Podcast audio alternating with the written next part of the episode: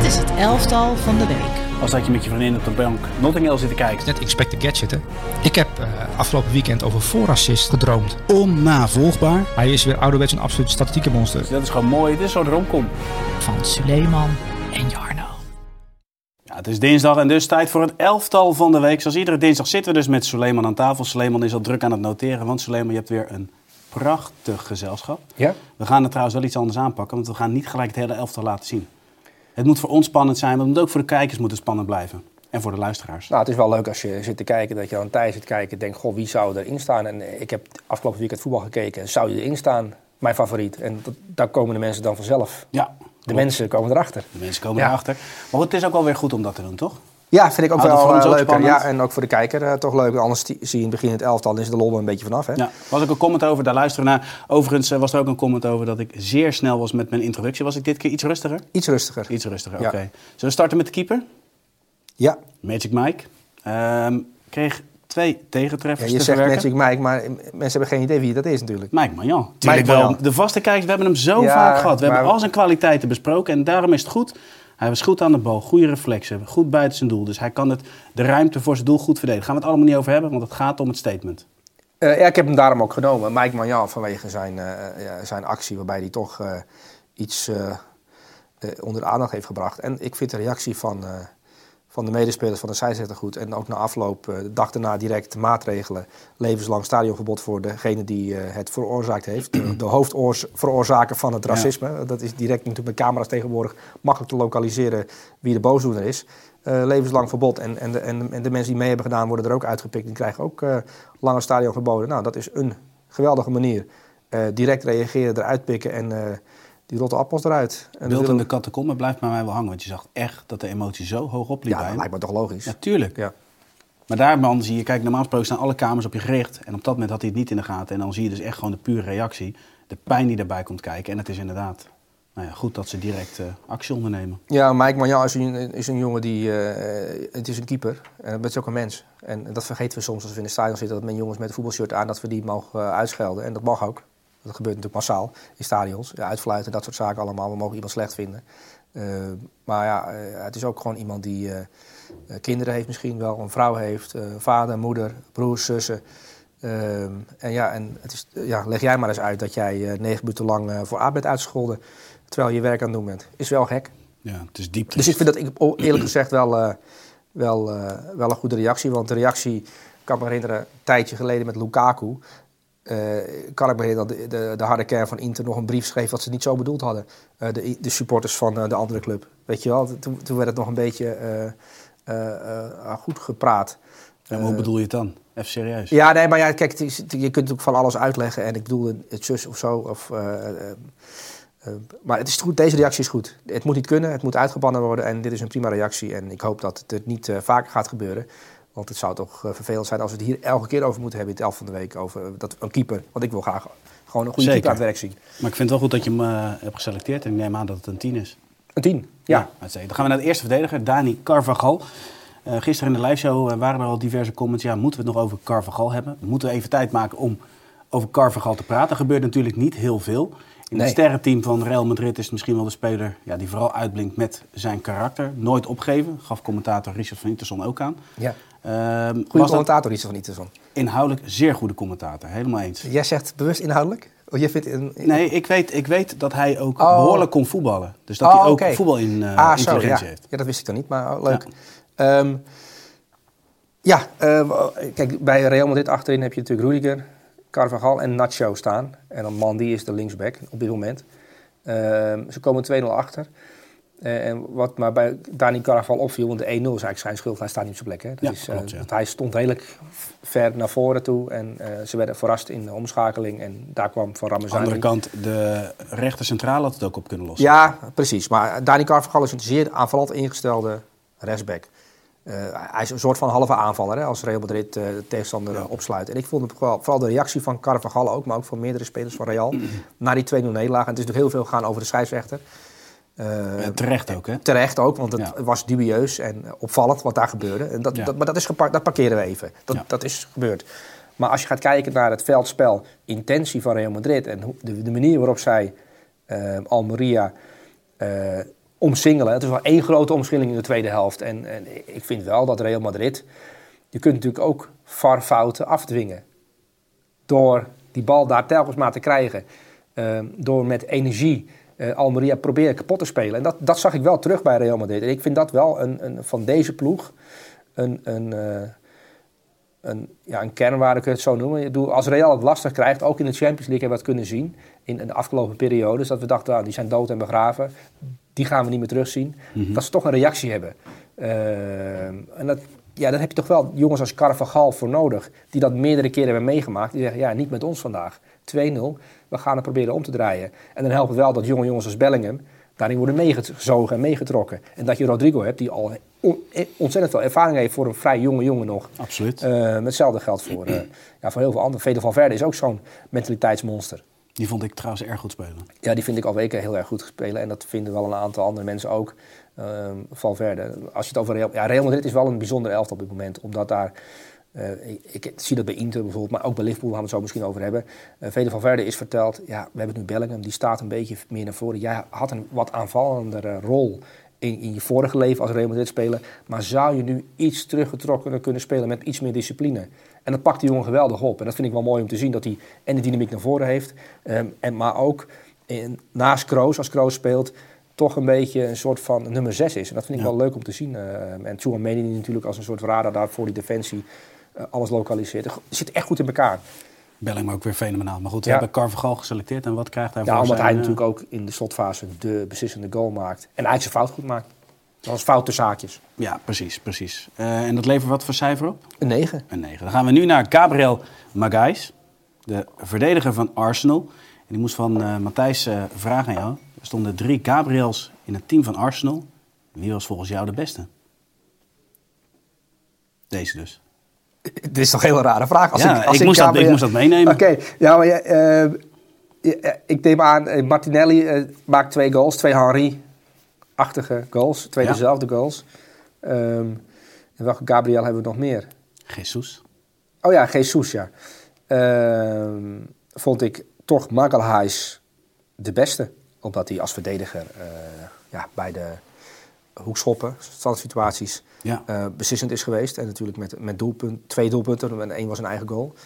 Ehm, Standaard situaties waren sowieso wel interessant. Hè? Want het Ja. waren, eh, kwamen doelpunten uit. Maar ook een corner tegen. En dan die, ja, die goal met Trossard. Hoe snel dat ging, die countergoal. Ja. Ik vond dat persoonlijk de mooiste doelpunt. Het mooiste doelpunt van de wedstrijd. Ja, ja ik vind het wel. eh, wel, wel, wel eh, ik vond, wat heb ik ook tegen Matthijs eh, in, in, in Sunset eh, hebben we het even over gehad. Eh, maar met z'n VD had wel een uur uitzending, maar twee wedstrijden. Dus ze moesten de tijd vullen. En toen hebben ze een loop gelegd op. En ik weet niet of je dat gezien hebt, maar dan moet je echt terugkijken. Hebben ze een loop gelegd op de, de cornerorganisatie bij Arsenal in, in aanvallende zin. En wat er allemaal gebeurt en, en wie een blok zet en, en, wat, en, wat, en wie welke ruimtes inneemt. En, en wat de signalen zijn van Eudegaard vond ik geweldig om te zien. En de Magalhaes, Gabriel speelt daar een belangrijke rol in. Kan natuurlijk goed koppen als centrale verdediger. Ehm, en het is wel leuk om te zien dat ook bij zijn topploeg... het gaat vaak over stofspelers, dat die maken een, die maken een club. En niet Absoluut. de trainer. Eh, maar je ziet wel dat Ar- Arteta met zijn technische staf... eh, na al die nederlagen en gelijk spelen in december... Weet je, dan is het gewoon een serie wat ze heel veel punten hebben laten liggen. Toch bij elkaar zijn gekomen, kort trainingskamp hebben gehad. En dat, eh, dat daar een assistent eh, de opdracht heeft gekregen. Wij moeten beter worden in het nemen van eh, eh, hoekschoppen. Daar, daar moeten wij eh, variaties in gaan, eh, gaan bedenken. We moeten een tegenstander kunnen verrassen. En Crystal Palace, één grote paniekshow de hele wedstrijd. Omdat ze geen idee hadden hoe ze dat moesten oplossen. Omdat Arsenal dat toch nu naar een nieuw, eh, nieuw, nieuw level heeft gebracht.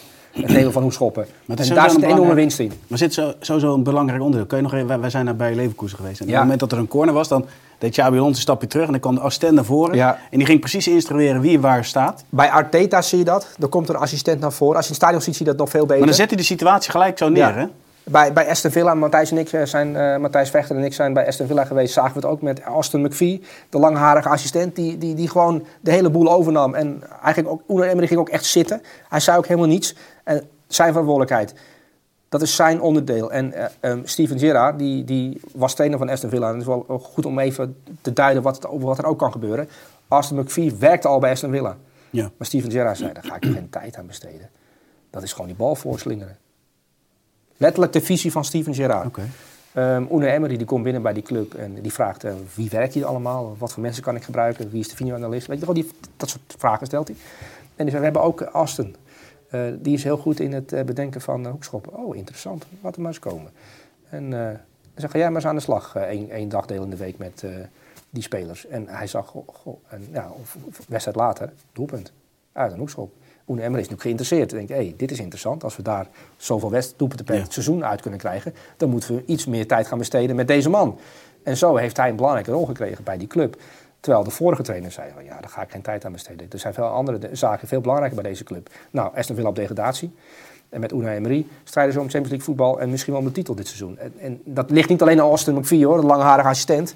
Maar het is een combinatie van alles. Ja, maar het is sowieso een combinatie van alles toch? Want het gaat om details. Het gaat om, om, Ja, maar details moeten ook blijven veranderen. Want je kunt wel zeggen van oké, dat is, ziet er geweldig uit, de opbouwpatroon, noem maar op. Maar je moet daar wel creatief in blijven en, en ook vernieuwend in blijven. Want een tegenstander stelt zich ook in op jou. Crystal Palace, uh, Joachim Andersen had geen antwoord op wat er gebeurde bij Arsenal. Die, die was in paniek en, en Roy Hodgson loste dat niet op met zijn ploeg in de rust. En ook niet in de tweede helft.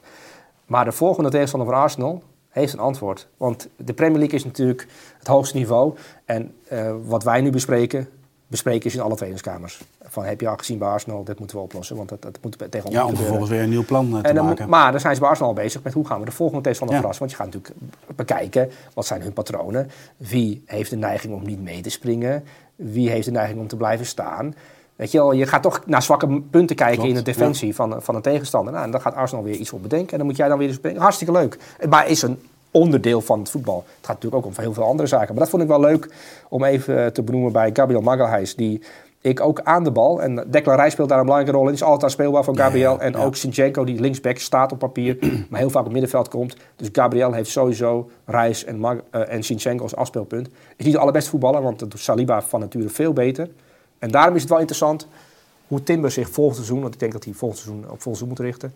Hoe, ja, waar hij komt te staan. Of dat er vervangen wordt voor Makelhuis of een optie voor Makelhuis. Of dat hij als Sinchenko uh, vervangen komt of voor de rechtsback, uh, voor, voor White. Um, omdat hij natuurlijk ook wel kwaliteit heeft die passen bij dit Arsenal. Maar goed, dat is een andere discussie. Ja, speelde een goede wedstrijd. Wat voor cijfer levert het op? Een 9. Want dan gaan we gelijk naar de volgende. En dan zien we Piero Hinkapie. En je had het net over de afspelmogelijkheden. Maar als je nou naar Hinkapie kijkt, speelt niet alles, lang niet alles. Nee. Maar het lijkt alsof hij al jaren daar de grote leider is, want hij is continu aanspeelbaar, continu de juiste optie. Alsof hij onderdeel is van het draaiende team wat continu speelt. Maar hij is slechts een invaller. Maar het verschil zie je amper. Nou, hij is 22 jaar, groot talent. En, en ja, je hebt keuzes te maken als trainer. En als Kossenu in, eh, in bloedvorm is en Tade doet goed. En eh, ja, dan moet je keuzes maken. En natuurlijk nu, omdat uh, twee verdedigers, Tapsoba niet te vergeten, die het ook geweldig doet. Die heb ik trouwens op de Afrika Cup. Ik, heb, ik ben in een wedstrijd gevallen van, uh, van Tapsoba op de Afrika Cup. Soeverein hoor.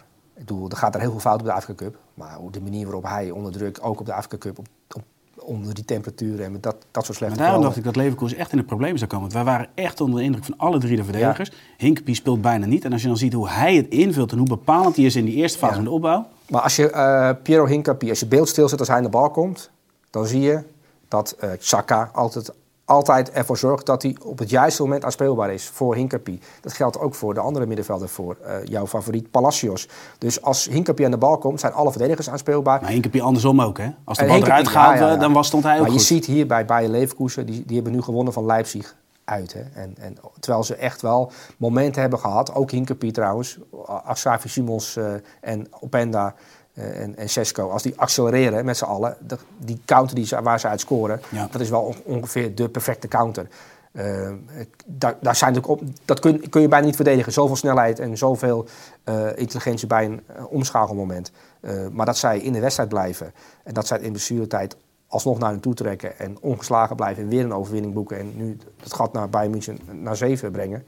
Ja. uit bij Leipzig is super knap. Maar wat mij opviel, en dat, dat, dat Hinkapie soms begon de opbouw van, uh, van uh, Bayer Leverkusen in de eigen 16 met, met, de, met de keeper. Die dan naar Hinkepie paast. Ja, en dat is tegen Leipzig toch best gevaarlijk. Best gevaarlijk, ja. want als je het hebt over druk zetten, Leipzig heeft het uitgevonden. druk zetten. Of die hebben dat naar de, naar de 23e eeuw gebracht, hè, om het ja. zo maar te zeggen. 23e eeuw is helemaal nog niet aangebroken, maar die hebben het naar de 23e eeuw gebracht. Ehm, dat vind ik het wel van lef tonen, dat je dat durft tegen Leipzig. En dat je dan ook gewoon met driehoekjes er probeert van achteruit een weg naar voren te vinden. En dat het dan ook regelmatig lukt. Ja, Bayer Leverkusen is een fascinerend experiment. En ik hoop eh, dat ze dit eh, weten door te trekken, dat ze de titel weten te pakken. Want dat is al een mooi kunstwerk. De kampioen worden. Ja, we kijken er ook niet elke week zo naar. Nu eh maken ze dan net als vorige week in de slotfase, maken ze dan de winnende. Ja. En dan ben je toch een soort van... die, hem, die hem natuurlijk maakt. Zeker, maar dan ben je een soort van opgelucht dat je denkt van ja, ik gun Xabi Alonso en Leverkusen zo ontzettend die titel. Op- ik was niet opgelucht, maar ik vond wel weer, denk, ik, oh, toch knap, weer. Ja. Eh, dat, dat is mijn gevoel, eerlijk gezegd. Was niet, ik, ben, ik ben niet zo'n dat ik denk, als ze Oh, moeten nee, ik kampioen gun ze worden. die titel Oh, jij echt wel- extreem. Ik vind, het, ik vind het voetbal zo mooi, want jij geeft terecht aan van hoe Leipzig druk zet. Ze hebben het inderdaad uitgevonden op de hoogste intensiteit en toch steeds die oplossingen vinden. En dan heb ik toch wel het idee dat Xabi Alonso voor elke tegenstander, onder elke weerstand, heeft hij een nieuwe oplossing. En het is ook steeds net iets anders. Ja, dat moet ook. Eh, want Leverkusen gaat natuurlijk ook... PSV heeft het meegemaakt. Het ging natuurlijk over al die overwinningen. En uiteindelijk st- stuit je op Utrecht. Ja. En, en dan is die reeks ten einde. En Leverkusen is ook met een reeks bezig. eh, die indrukwekkend is. Ik bedoel, de, de reeks die zij neerzet in de Bundesliga. Bijna perfecte scoren. En elke week is bij Leverkusen voor Mainz, voor Keulen... alle tegenstanders toch een soort van... hè, we gaan tegen de grote, het grote Leverkusen van Xabi Alonso spelen. En wij hebben de oplossing. Want daar ben je namelijk een week mee bezig. 10 februari, Leverkusen tegen Bayern. Ja, ik denk niet dat Thomas Tuchel de oplossing gaat vinden voor... eh, voor eh, Ik denk het ook niet. Dus- Ik denk dat Xabi Alonso de basis. ik weet niet of Thomas Tuchel op dat moment zelfs nog trainer is van Bayern München. Maar misschien dat hij de week erna ontslagen wordt. We, kunnen, ik we willen niet in de glazen bol kijken, maar het zou zomaar kunnen dat er rond die... die want de transferperiode eindigt natuurlijk op 1 februari. Dan heeft misschien Bayern München de spelers erbij. En dan moet het tegen Bayern Leverkusen gebeuren, want dan moet je die achterstand goed maken. En dan moet Bayern, Bayern München eigenlijk tonen dat ze mee kunnen doen om de titel. En dat het niet een, een one-man show wordt van Bayern Leverkusen. Of one-club show. We gaan het volgen. Cijfer Hinkepie. Een 9. Want we blijven in Duitsland. We gaan naar Wijzer. Eh, die zorgde er hoogstpersoonlijk voor dat Bayern München verloor. Ja, Met 1-0. Met een geweldige goal. geweldige goal. En het was niet de eerste keer dat hij doorbrak eh, aan, die, aan die kant van eh Davies en Sané. En het vi- viel me wel op. eh Werder Bremen, deze wedstrijd was eigenlijk... Het is Bayern München, Werder Bremen. Bayern speelt thuis Ja. tegen Werder Bremen. Werder Bremen eh, houdt het dicht met, met wingbacks. Dus vijf man achterin eigenlijk. En Wijzer was de rechter vleugelverdediger. Ja. Ehm, en ik vond de organisatie van Werder Bremen echt heel goed. Want Bayern München kwam er niet doorheen. En dat valt me dan wel tegen van, van Bayern München. Dat ze dat niet kapot kunnen spelen met zoveel talent. Mhm. Want als je de namen op een rijtje zet, is toch wel opmerkelijk. Met Musiala, met Kane, met, met Davies. Eh we zo kunnen het, Kimmich. Je kunt het, eh, ik bedoel, altijd gewoon een topelftal. Staat er op papier. Absoluut. Ehm, dat Werder Bremen het relatief eenvoudig dicht weet te houden. En ook regelmatig via deze wijzer aan die rechterkant Vooral dat. aan, eruit weet te komen. En, eh, kijk je, en de, Matthijs Ligt speelt natuurlijk naast Upamecano. Ehm en ja, ik heb toch het idee dat met Minjai Kim de ballen sneller op de juiste locatie zijn. Maar ik wil niet te veel kritiek op eh, Matthijs Ligt, eh, want dat, heeft, dat lag niet aan Matthijs Ligt dat ze met 1-0 verliezen. Ehm, maar ik vind Bayern München defensief wel op sommige momenten dat ik denk van jeetje, dit staat niet goed. Dat was op een gegeven moment dat buitenspelmoment. Bij die goal kwam. Die ruimtes waren zo groot. Ja, het, is, het staat daar niet goed. Onderlinge afstanden zijn niet goed, de afspraken zijn niet goed. Bayern München is defensief eh, al te kloppen door een ploeg die speelt zoals Werder Bremen. Ah, en dan betekent dus dat je in, de, in top Champions League wedstrijden eh, ploegen gaat treffen die nog veel beter zijn dan Werder Bremen en Ja. die dit veel beter kunnen. Wat voor speler is Wijzer precies? Eh, nou, hij heeft ook bij Bayern München gezeten en het is een jongen die, eh, die rustig blijft onder druk. Ehm, die, die, die in kleine ruimtes uh, maakt die goal natuurlijk op die manier. Ehm, ja, het, is, het is een groot talent en ik, volgens mij loopt zijn contract ook af bij Werder Bremen. En ik denk wel dat, dat er een mooie club voor hem eh, gaat komen. Ik vind het wel een vrij goede speler, jij niet? Ja, absoluut. absoluut. Want we hebben, het, eh, we hebben het vorig jaar ook een keer over hem gehad. Ehm, en toen wilde ik hem de nationale ploeg inpraten. Maar goed, misschien nu wel. Als de wingback van Duitsland. Maar hij heeft eh, ook aangegeven vorig jaar. Ik weet niet of jij dat weet, maar hij heeft ook Algerijnse roots, als ik het goed heb. Dus hij kan ook voor Algerije nog gaan uitkomen. Oké. Dus dat had nog een verrassende wending kunnen zijn. Interessante speler. Ik denk ook wel multi-inzetbaar. Ja, en Neuer- beheerst heel veel. Neuer is nu bijna 40 en die pakt ook nog een geweldige bal van Wijzer. Hè, met z'n- dat hij hem uit de hoek eh, tikt. Eh, dus Wijzer had ook nog twee kunnen maken. Maar ik vond hem de meest opvallende speler tijdens Bayern Werder Bremen. Dat is wel gek. Helemaal eens. Wat voor cijfer levert dat op? Een 9. Een 9. Dan gaan we naar de volgende middenvelden. En wij zijn persoonlijk altijd wel gek op een nummer 6. Ja. ik praat er graag over. Jij praat er ook graag over. Maar we zagen een aanvallende middenvelder op 6 spelen. McAllister in dit geval, bij Liverpool. Speelde in de controlerende rol in dit geval.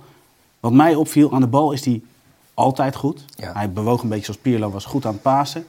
Maar het aantal intercepties dat hij had. Ja, onder, indrukwekkend hè. Eh, het begon al in minuut één, denk ik, dat ik dacht, oh, dat is Alexis McAllister. Je moet toch even opletten, vaak is dat, wat dat ik ook eh, heb bij spelers die ik als nummer 10 gewend ben, dat die ineens door een trainer op 6 zijn gezet en dat die een bal veroveren vlak voor de defensie. denk ik, hey, klopt, eh, zie ik het nou goed? Wat lijkt hij Ja, ja. erg op, maar oh, dat is hem gewoon. Dat heb ik bij Alexis natuurlijk ook. En ja, je bent voorbereid, want je weet dat er een aantal spelers weg zijn eh, bij Liverpool. En dat er oplossingen bedacht moeten worden door, eh, door Klopp en de technische staf. Uh, Alexander Arnold is natuurlijk weggevallen. Dus er valt een creatieve machine weg.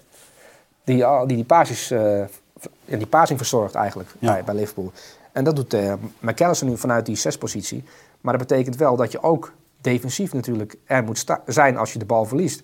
En ja, het aantal balveroveringen van hem was ongelooflijk. hè. 14 of zo geloof ik. Hij Ja. won ook heel veel duels. Ehm, Want hij bleef ook wel vlak voor het centrale duo staan. ja, en, en, en eh, Kluivert stond bij hem in de buurt, hè? Ja. Misschien kunnen we daar zo heel even kort nog over hebben. Die vind ik trouwens wel een goede ontwikkeling doormaken, ook weer bij eh Bournemouth. Net zoals bij zijn vorige clubs. Dat wordt wel een vrij complete eh, aanvallende voetballer. Maar goed. Ehm, en die, die, die, die had eigenlijk de taak om McAllister een beetje in de gaten te houden vanuit de teampositie. Eh lukte niet helemaal. Ehm, ik vond McAllister echt... ja, ik dacht van, ja, je bent eigenlijk veel beter als zes dan als nummer 10. Had jij het idee ook niet een beetje? ja, de andere kant is wel, kijk... Het, Of is het eenmalig tegen Bournemouth en denk je dat dit is niet iets wat je... Ja, weet ik niet. Ik, ik kan me wel voorstellen, op de positie waar hij normaal gesproken staat, moet je veel sneller handelen, moet je veel beter kijken om snel te kunnen handelen. Ja, en nu, voor zijn gevoel, heeft hij relatief veel tijd in elke situatie dat hij aan de bal is. Ja, dat is een lekkere positie hoor, de Ja, 6 positie. maar ik vond hem heel afwisselend. Korte paas, lange pases, linies overslaan, toch even eh, lokken, laat maar zeggen, van de tegenstander. Hij beheerst die allemaal, maar dat, het, het, ja, de ballen afpakken. Dus eigenlijk zoals een nummer 6 door de lijn dicht te lopen en die bal te veroveren. Dus echt dat, dat scannen, Ja. ja. dat deed hij heel goed. En dat is hij Maar natuurlijk wat niet zo hij, wat hij laat zien, hè, het, de variatie inderdaad in, in, in, in bal veroveren, in, eh, in voor je defensie positioneel goed staan, maar ook Ja. eh, de linksbuiten wegsteken in één keer met een lange trap, wat hij ook goed doet. Eh, het kort houden, en, niet in paniek raken als je onder druk wordt gezet en dan via korte combinaties eruit komen, dat deed hij ook goed.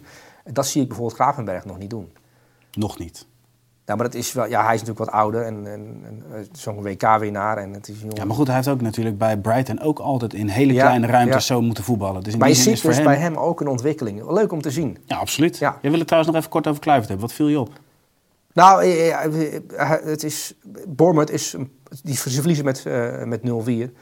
Ehm, en de eerste helft eh, hebben ze het redelijk goed staan. En ik vind Bournemouth wel een interessante trainer hebben. Andoni Iraola, die het ook Ja. geweldig heeft gedaan in Spanje. Die is nu naar Engeland gekomen. De eerste weken eh, liep het niet helemaal. En die spelers hadden wel eh, moeite met de instructies. En eh, hoe moeten we nou druk zetten? Dat, dat, dat is er langzaam inge, ingekropen eigenlijk. En Bournemouth is nu een zeer interessante ploeg. En als je houdt van tactiek, en dat hou jij natuurlijk, en, en wel meer mensen, en misschien wel kijkers ook, van van Bournemouth, ja, wat is nou interessant aan Bournemouth? Maar die hebben wel echt een interessante, interessante trainer nu op dit moment. En ik zie ook in- ontwikkeling bij spelers. En dat is wel leuk om te zien. En Bournemouth is gewoon een ploeg die, waar, die, waarvan ik vind dat die goed in elkaar zit. En het is wel knap dat je vanuit Spanje La Liga komt. En Emery heeft natuurlijk ook eh, die ontwikkeling doorgemaakt. Eh, eh, dat je vanuit Spanje komt en dat je zo'n ploeg Mhm. redelijk aardig laat, laat druk zetten, la- je ook laat aanvallen. Want ook bijvoorbeeld, ja, we hebben het over Kluivert die zich ontwikkelt. Maar ik vind de spits bijvoorbeeld, Dominique Solanki, altijd een groot talent geweest. kennen we natuurlijk uit de Eredivisie nog. Bij Vitesse gezeten, onder Peter Bos inderdaad. Ehm, maar die, die heeft ook een zeer ont- interessante ontwikkeling doorgemaakt onder deze Iraola. En die is ook meer gaan scoren. En dat is ook een spits die ineens 80, 90 miljoen euro waard is. Weet je, wel, er wordt dan een Premier League denken, goh, die moeten we hebben. Maar het heeft natuurlijk wel ook te maken met een trainer die het zo neerzet dat hij op centrale posities, zoals eh, de spits van Aston Villa ook heeft meegemaakt, Ollie Ja. Watkins, die wordt Ja. dan ineens in beeld gebracht van Engeland. Maar ik denk dat zonder Una Emery, Ollie Watkins ook minder snel die ontwikkeling doormaakt. Omdat je toch wordt aangezet door een trainer. En dat geldt ook voor deze Iraola. Eh maar dat, dat, dat is dan voor toepassing op Kluivert, maar ook op, eh, op, meerdere spelers. Bournemouth vind ik interessant om naar te kijken. En daarom vind ik het, om Kluivert te blijven volgen. Misschien dat hij in de komende weken wel een keer eh, in het elftal terechtkomt. Ja, want we, we kennen hem natuurlijk en iedereen heeft nog op zijn netvlies staan. En, en Noah Lang heeft natuurlijk ook een ontwikkeling doorgemaakt. En, en, en ik heb begrepen dat Justin Kluivert en Noah Lang zijn vriendjes. Maar Justin Kluivert is natuurlijk een frivole buitenspeler, dribbelaar, flegmatiek, mannetje passeren, voorzet. Dat was een beetje Justin Klopt. Kluivert bij eh, In de jonge jaren. in de jonge jaren Ajax. Maar nu is hij wel veel volwassener voetballer die eh, vanuit een taak kan voetballen. Eh, onder verschillende trainers. Allerlei verschillende trainers heeft gevoetbald in allerlei verschillende competities. Ehm, en En nu bij Bournemouth hoop ik dat het net als Ake twee, drie seizoenen dat ritme op kan doen van... Oké, dit is het tempo, dit is de intensiteit en nu beslissend worden. En dan kan hij... Want hij heeft natuurlijk wel de capaciteit om in kleine ruimtes eh, het verschil te maken. Want die techniek, die, die nemen ze niet van hem af. Maar hij wordt nu wel een slimmere en completere voetballer. Dat is de ontwikkeling die hij nu doormaakt. Dat vind ik leuk om te zien. Interessant om te volgen. We hadden het over McAllister. Wat voor cijfer krijgt hij? Een 9. 9. Dan gaan we nu naar Zurkowski. Ik vind het wel een leuke uitzending, moet ik zeggen. Ja, ik, je zit er lekker in. Je bent in vorm. Je hebt je dag. Ja, dat klopt. Maar. Zurkowski, Empoli, drie goals tegen Monza. Welke goal? Oeh, hij had, al, hij had drie verschillende goals. Hoofd, links en rechts. En, eh, had jij ooit van Simon Surkowski gehoord? De Ik- ik eerlijkheid gebied niet. te zeggen, nee. Ik, ik had nog nooit van hem gehoord. En eh, dan ja, drie keer scoren in de Serie A. Ik heb Empoli Monza niet live zitten kijken, geef ik eerlijk toe. Want er zijn, er zijn, er zijn wedstrijden die ik wel eens oversla. Gelukkig hebben wij scout. En gelukkig hebben wij inderdaad eh, dat, een scoutingsfeed. Dus ik, ben, ik heb Empoli Monza opgezet. Ehm, en ja, ik heb nooit van hem gehoord. En het was een Pool die zijn eerste wedstrijd in de basis speelde weer voor, eh, voor Empoli. Dus ja, dat ik nooit van hem gehoord heb, kan ook wel kloppen. Want ja, hij speelt nooit. Hij speelde vorig jaar in de Serie B. Maar een 26-jarige Pool die drie keer scoort. En eh, ja, Empoli had ook, dat, was, dat wist ik ook niet, maar die hadden ook een net een nieuwe trainer aangesteld, Davide Nicola. Ja. En die hadden de punten hard nodig. En dat je dan in je eerste wedstrijd van een nieuwe trainer 3-3 maakt als 26-jarige Pool. Ja, dan, dan kom je zo in het elftal terecht. Ik vond het geen spannende voetballen, moet ik eerlijk zeggen. Nee. Nee. Vond de tweede goal wel Simon het mooiste. Surkowski. Ja, we gezien dat hij er elke week drie maakt. En dan moeten we misschien iets beter gaan kijken wat er spannend aan hem is. Ik vond mm, ja, Empoli ook niet een heel echt spannend elftal. Ik vond er weinig... Eens, maar we hem wel in de gaten. Misschien zit er wel een heel Nou ja, het is natuurlijk drie, drie keer scoren in de Serie A is, is wel opvallend. Eens. Ja, En wat krijg je daarvoor? een negen. Een 9. Dan gaan we nu naar Donjel Malen. Ja, En daar hebben we een analyse eh, van. Dus gaan we bekijken en dan gaan we een aantal aspecten gaan we daarin eh, benoemen. Let op. Het gaat in eerste instantie eventjes over eh, de wisselwerking met Fulkroeg. En eigenlijk is het een buitenspeler of een spits. Hier verovert eh, Dortmund de bal. Hij komt hier aan de bal. Je ziet de lijn met Fulkroeg. En dan zie je dus ook gelijk de ruimte in de as. Brandt die zakt uit naar de zijkant. En nou komt het. Op een gegeven moment komt Brandt aan de bal. En dan maakt hij dus de loopactie in de vrije ruimte. Fulkroeg zakt uit. Hij komt erin. Dus eigenlijk de buitenspeler wordt op dat moment een spits. ja. Volgende situatie, want ook hier gaat Maatsen, die echt waanzinnig speelde, de bal Ja. veroveren. Dat is eigenlijk de man of the match. 100%. En straks zie je dus al terug, Fulkroeg komt in de bal. Malen ziet het, duikt dus in de rug van Fulkroeg. Gaat hij de ruimte in. Dus opnieuw, de buitenspeler wordt een spits. Ja. Nou, dan komen we in deze situatie waarin de bal wederom eh, veroverd gaat worden. Weer dezelfde lijn, waarbij Fulkroeg dan van, nat- van nature in de bal beweegt en Malen juist van de bal af. En dan zien we dus dit patroon weer terug. Fulkroeg komt aan de bal, Malen gaat dus lopen. Dus hij start als buitenspeler, wordt uiteindelijk een spits. Ja. De vraag is wat het is, daar komen we zo meteen op terug. In deze situatie gaat het om de samenwerking met de middenveld. En die koppeling wil ik straks maken richting Oranje. Brand gaat hier de hoek in, dus de binnenspeler. Malen de buitenspeler. Brand is diep gaan, haalt hem er weer uit. Malen aan de binnenkant, waar hij heel comfortabel is. Dus dan zie je dus de wisselwerk binnenkant, buitenkant. Ik denk dat hij dat met Xavi Simons ook zou kunnen hebben. Alvast een eh, t-shirtje weggegeven. Hier Brand weer aan de buitenkant, die zakt uit. En hij maakt hier de loopactie. Daar is hij het best in. Uit de rug van de linksback in grote ruimtes. Nou, dan komen we in de samenwerking met de back. Ook niet onbelangrijk als we de koppeling naar Oranje moeten maken. Hier, Meunier speelt hem in. Iets wat Dumfries graag doet bij Oranje. Hij loopt door. Dus het is ook nog eens een keer een pasende speler. Hier komt een gevaarlijke kans uit. Dat zien we niet op het volgende beeld, maar het gaat om de wisselwerking. Nou, en dan kom je op het allerlaatste. Hij is natuurlijk wel koning omschakeling. Hier een moment met Maatsen. Die gaat de bal veroveren. In een volgende moment, en dan zie je dus, dan is hij niet te stoppen. Hier de bal eroverheen, hier komt Ja. het doelpunt uit. In de omschakeling is hij niet te stoppen. Zeker niet als hij als rechts buiten speelt, waarin hij in de spits eindigt. Ja. En dat was eigenlijk eh, in het kort Dit was de analyse een, eh, Malen. Dit was een leuke analyse. ehm, en een vrij complete analyse van eh, de wedstrijd die hij heeft gespeeld, inderdaad. Ehm, binnen-buiten, wat je mooi uitlicht. En wat, ik, wat mij het meest opviel tijdens het bekijken van Donjo Malen, is inderdaad de intensiteit zonder bal. En bij Liverpool houden ze daarvan. Hè? Wat Salah doet, heeft dat natuurlijk ook. En, en Ja. dan kom je natuurlijk ook vaak aan de bal, omdat je Zie je in die keer... looppak Ja. uit de rug van de back komt. Ja, en, en, en ik begrijp wel waarom bijvoorbeeld een club als Liverpool hem als een zeer interessant, eh, interessante speler eh, ziet. Maar ik heb wel het idee dat hij ook dat, die arbeid zonder bal aanvallend gezien, en ja, ik weet niet hoe je dat noemt, maar eh, in ieder geval de acties maken zodat eh, dat, dat, je, Dat er ruimtes komen. dat er ruimtes komen, die maakt hij wel echt nu eh, standaard in zo'n wedstrijd. Het is wel Ja. echt een, een, een hardwerkende speler geworden in, in die zin dat hij ook met intelligentie eh, de intensiteit eh, zoekt. Maar toch, als je dan naar de beelden kijkt, vind jij het meer een buitenspeler of een spits? Ik vind hem het beste ehm, als hij vanuit die rechtsbuitenpositie in een goed functionerende puzzel, dus met een goede spits, Ja. in combinatie met de spits, vind ik, ik vind hem vanuit de spits, dan verliest hij iets van zijn dynamiek, Gevaar, denk ik, ja. van zijn gevaar. Ik denk dat hij vanuit de, eh, vanuit de rechtsbuitenpositie, Dus toch iets meer buitenspeler in jouw optiek. ja, ja maar, maar dat hangt maar net aan, aan, aan wie je hem koppelt. Nou, dat, is dan, de- ja, dat, is dus de volgende vraag. Dat want is de puzzel die je moet Bij leggen. het koffiezetapparaat zat je van... Jij kijkt weer door de oranje bril. Dat Ja. vind jij leuk, hè? En dat vind jij... Jij kijkt niet zo, maar... Heb je Thiago Simons gezien? Ja, ja. Dat zou toch een connectie zijn met Malen? In alles? Maar als spits bedoel je? Nee, als middenvelder. Dus wat Brandt doet bij Dortmund. Ja. Brandt heeft oog voor de ruimte om te passen. Xavi Simons heeft dat ook. Xavi Simons heeft een dynamiek, ook met de Ja. diepgang. Malen heeft daar ook oog Ja, voor. het punt is... Ik zie daar wel Ja, een connectie ik, in. Ik ook. En in de ideale wereld heb jij maanden de tijd om ehm, bij, met de nationale ploeg richting een EK te werken. Alleen het is natuurlijk zo, je, de seizoenen verloopt zo, je hebt met blessures te maken. Er is, er is nooit een interlandperiode een ideale samenstelling van de wensen van een bondscoach, van hoe die wil werken. En je hebt te maken ook met de visie van een bondscoach.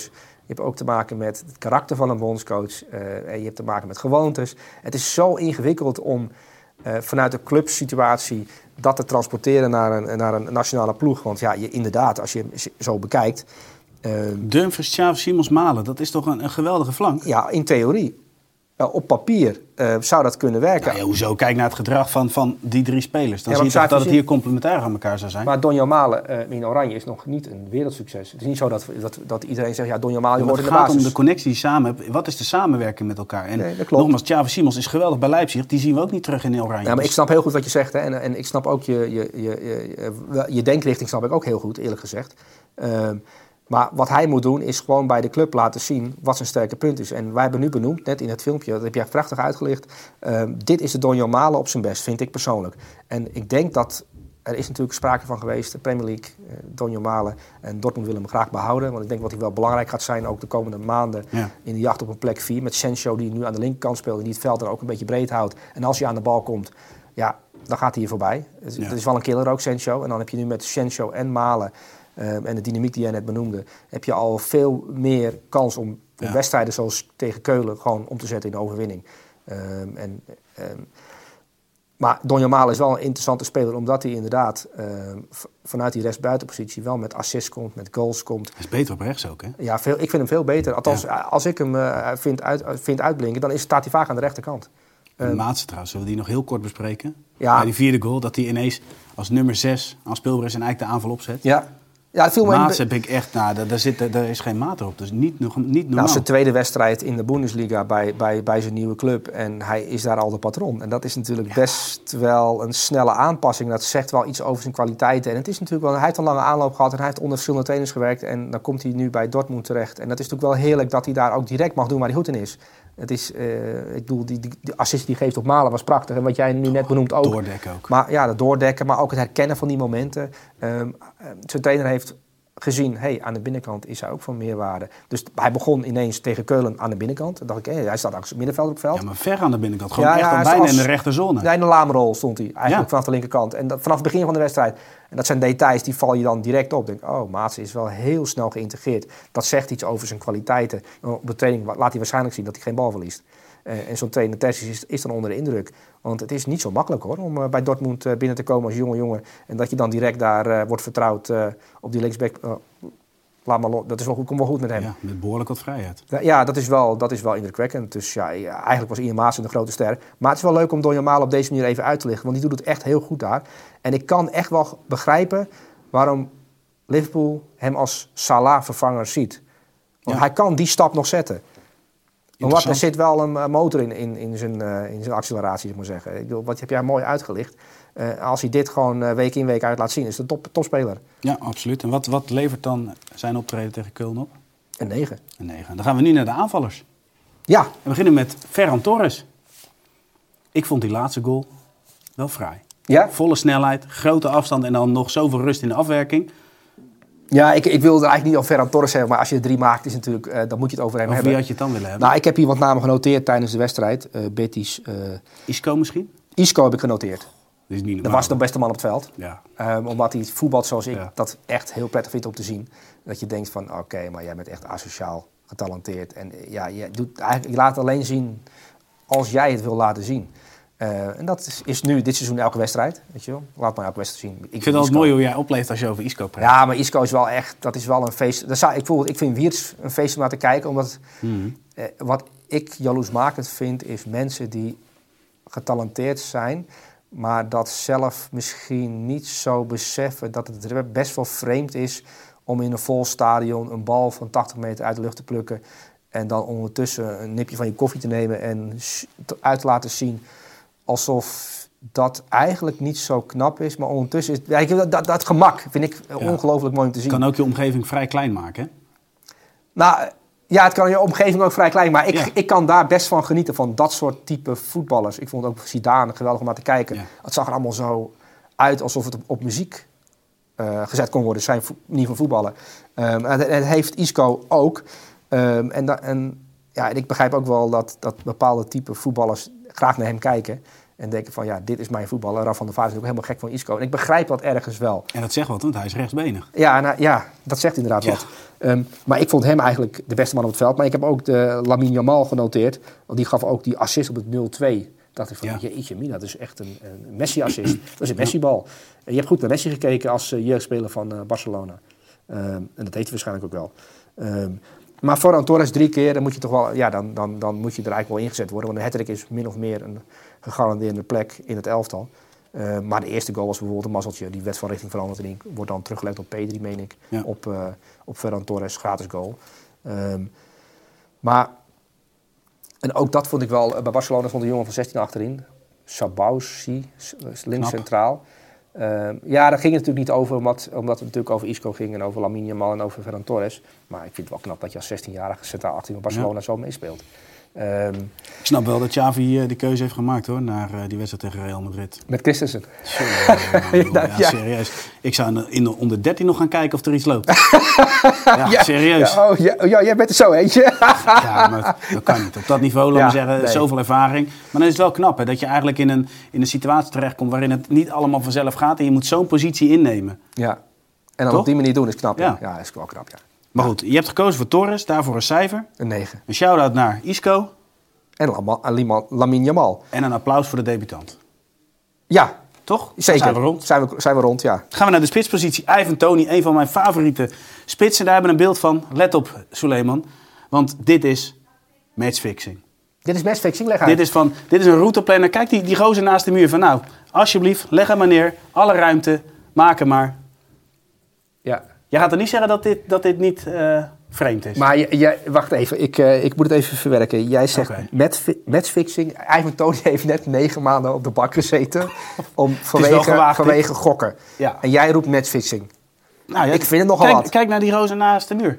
Ja, ik, ik, maar je weet wat hier gebeurd is natuurlijk. Hè? Eh, Ja, ja, ja. Hij zegt hem iets opzij. Ook dat, dat, dat, Hij dat, heeft, dat spul. Nou, hij pakte met zijn hand Ja. dat witte spul op en heeft die lijn gewoon verlegd. En die muur had het kennelijk niet in de gaten en die keeper ook niet. Dus hij heeft die bal een meter of twee, anderhalf naar rechts gelegd. Dus die bal ligt inderdaad Ja. ideaal voor Ivan Tony. Om daar het hoekje, dat- die, hoek, die open hoek van die keeper kan hij zo pakken.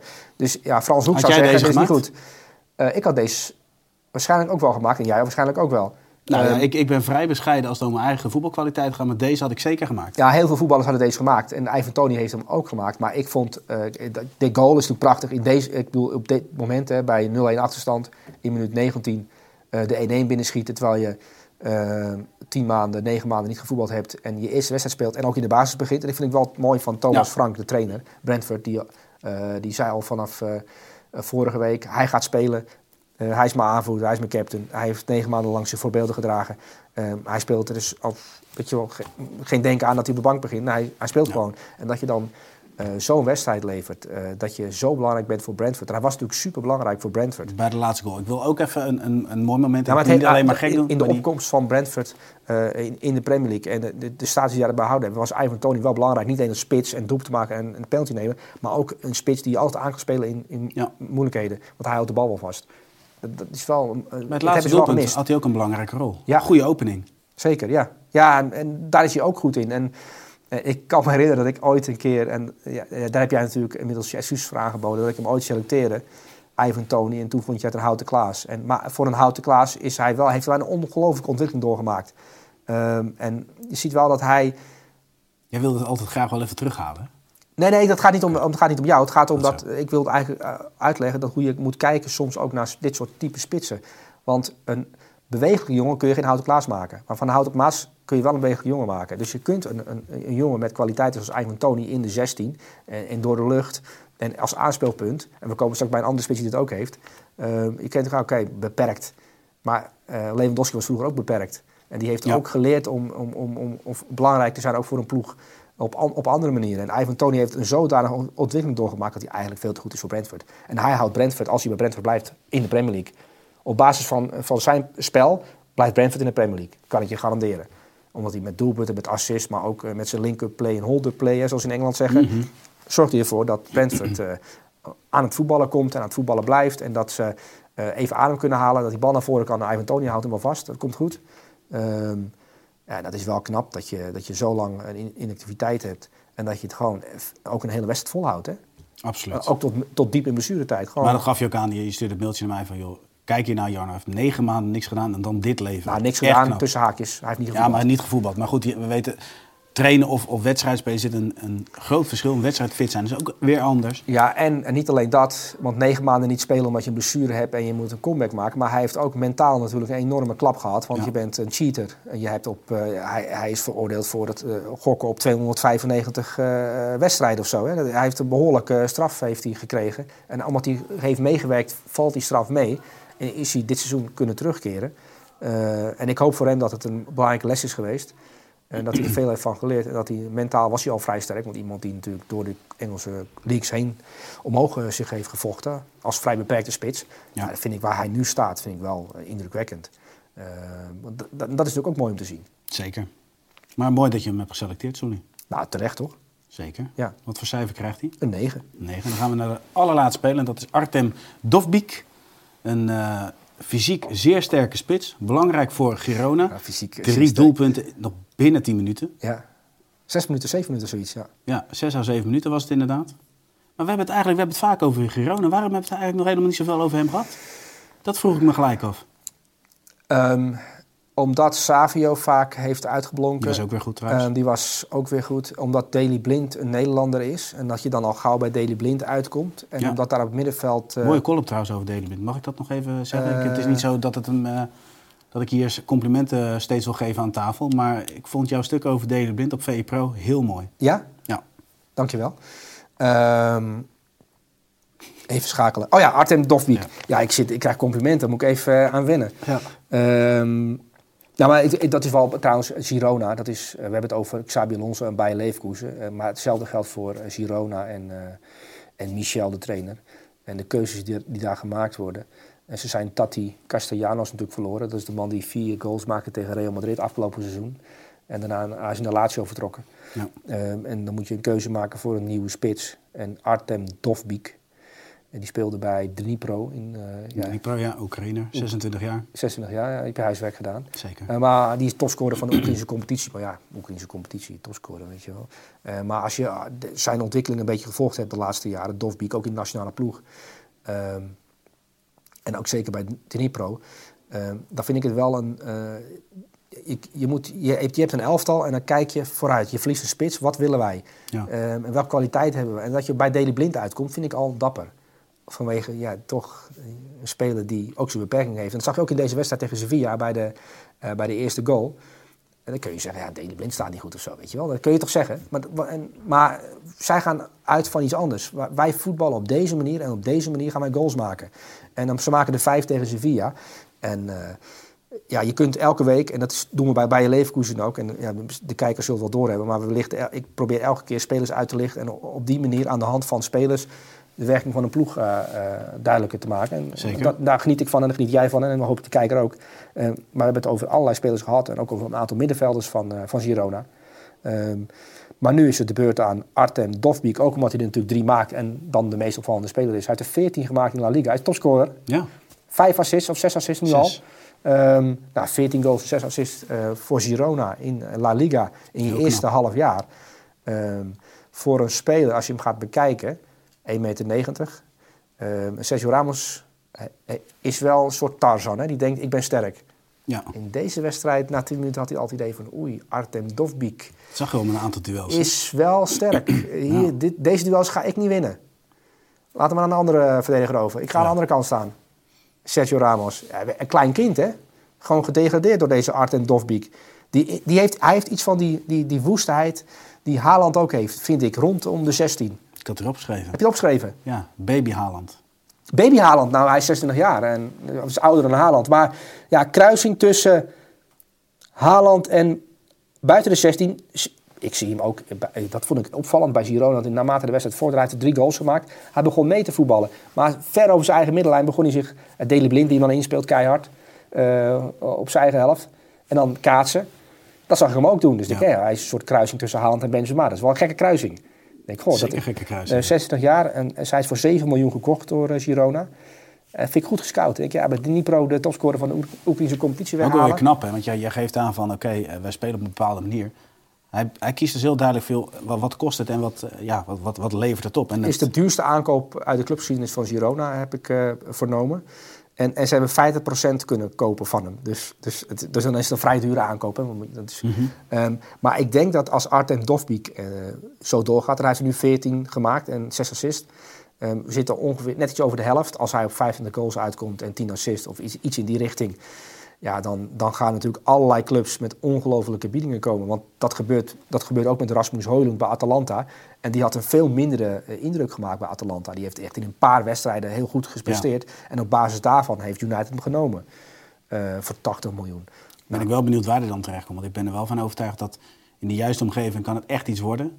Maar dit is niet een, een spits die zo goed is die in elke omgeving gaat renderen. Sommige Nou, spitsen renderen overal. Het is grappig, dat is hij dat, niet. grappig dat je dit zegt trouwens. Want eh, ja, ik vond het wel gek. Een Oekraïner bij Girona die, die, die zich makkelijk aanpast. Je hebt natuurlijk ook met de oorlog te maken in Rusland. Hè. Ehm, en ben ik gaan onderzoeken van hey, Artem Dovbik, hoe is Girona, hoe, hoe zit dat? Ehm, en er zit natuurlijk nog een Oekraïner daar, Sigankov. En die zijn, ze zijn ook altijd met z'n tweeën. En ze wonen op het trainingscomplex eh, van Girona. Mhm. En daar hebben ze een eh, appartementje of een, een hockey waar ze kunnen eh, slapen. Ehm, maar bij Girona werkt al jaren een Oekraïense manager van alles. Die, en die regelt heel veel voor hun. Dus ze- worden daar ook wel... Ze zijn daar heel goed opgenomen en opgevangen. Dus ja, de- je komt vanuit, de, de- vanuit Dnipro. En eh, ja, het is toch een moeilijke situatie in Oekraïne. Ja. het- ik bedoel, dat kun je niet onderschatten. Dat houdt je dagelijks bezig. En dat ze dan met, met z'n tweeën zijn, Sigankov en Dovbik. Met Julius heet die man. Eh, Dus een club die eigenlijk veel verder kijkt dan alleen het voetbal. het is toch zo belangrijk. En we hebben natuurlijk veel, veel voorbeelden ook weer in Nederland gehad van jongens die, eh, die komen hier en die denken: wat doe ik hier en, en, en, hoe werkt het hier en, en waarom praat niemand met me?